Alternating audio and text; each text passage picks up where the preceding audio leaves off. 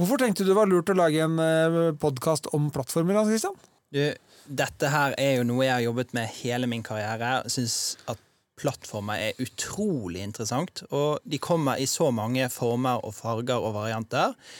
Og det å høre hva andre gjør, som er annerledes enn det jeg gjør, er kjempespennende.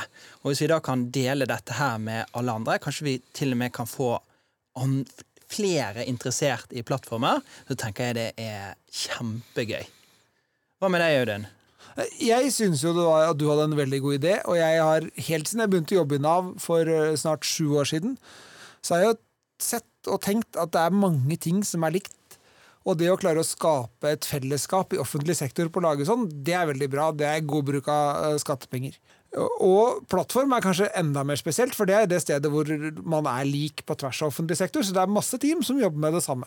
Så har vi en del samarbeidsforum, men en måte å liksom øke interessen og få flere til å høre om det, det tenker jeg er en sånn podkast.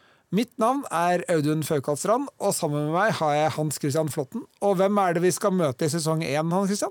Du, I sesong én så fokuserer vi på nettopp det du sa. Eh, plattformene i offentlig sektor. Og da er vi så utrolig heldige at vi får med oss politiet, og vi får med oss skatteetaten.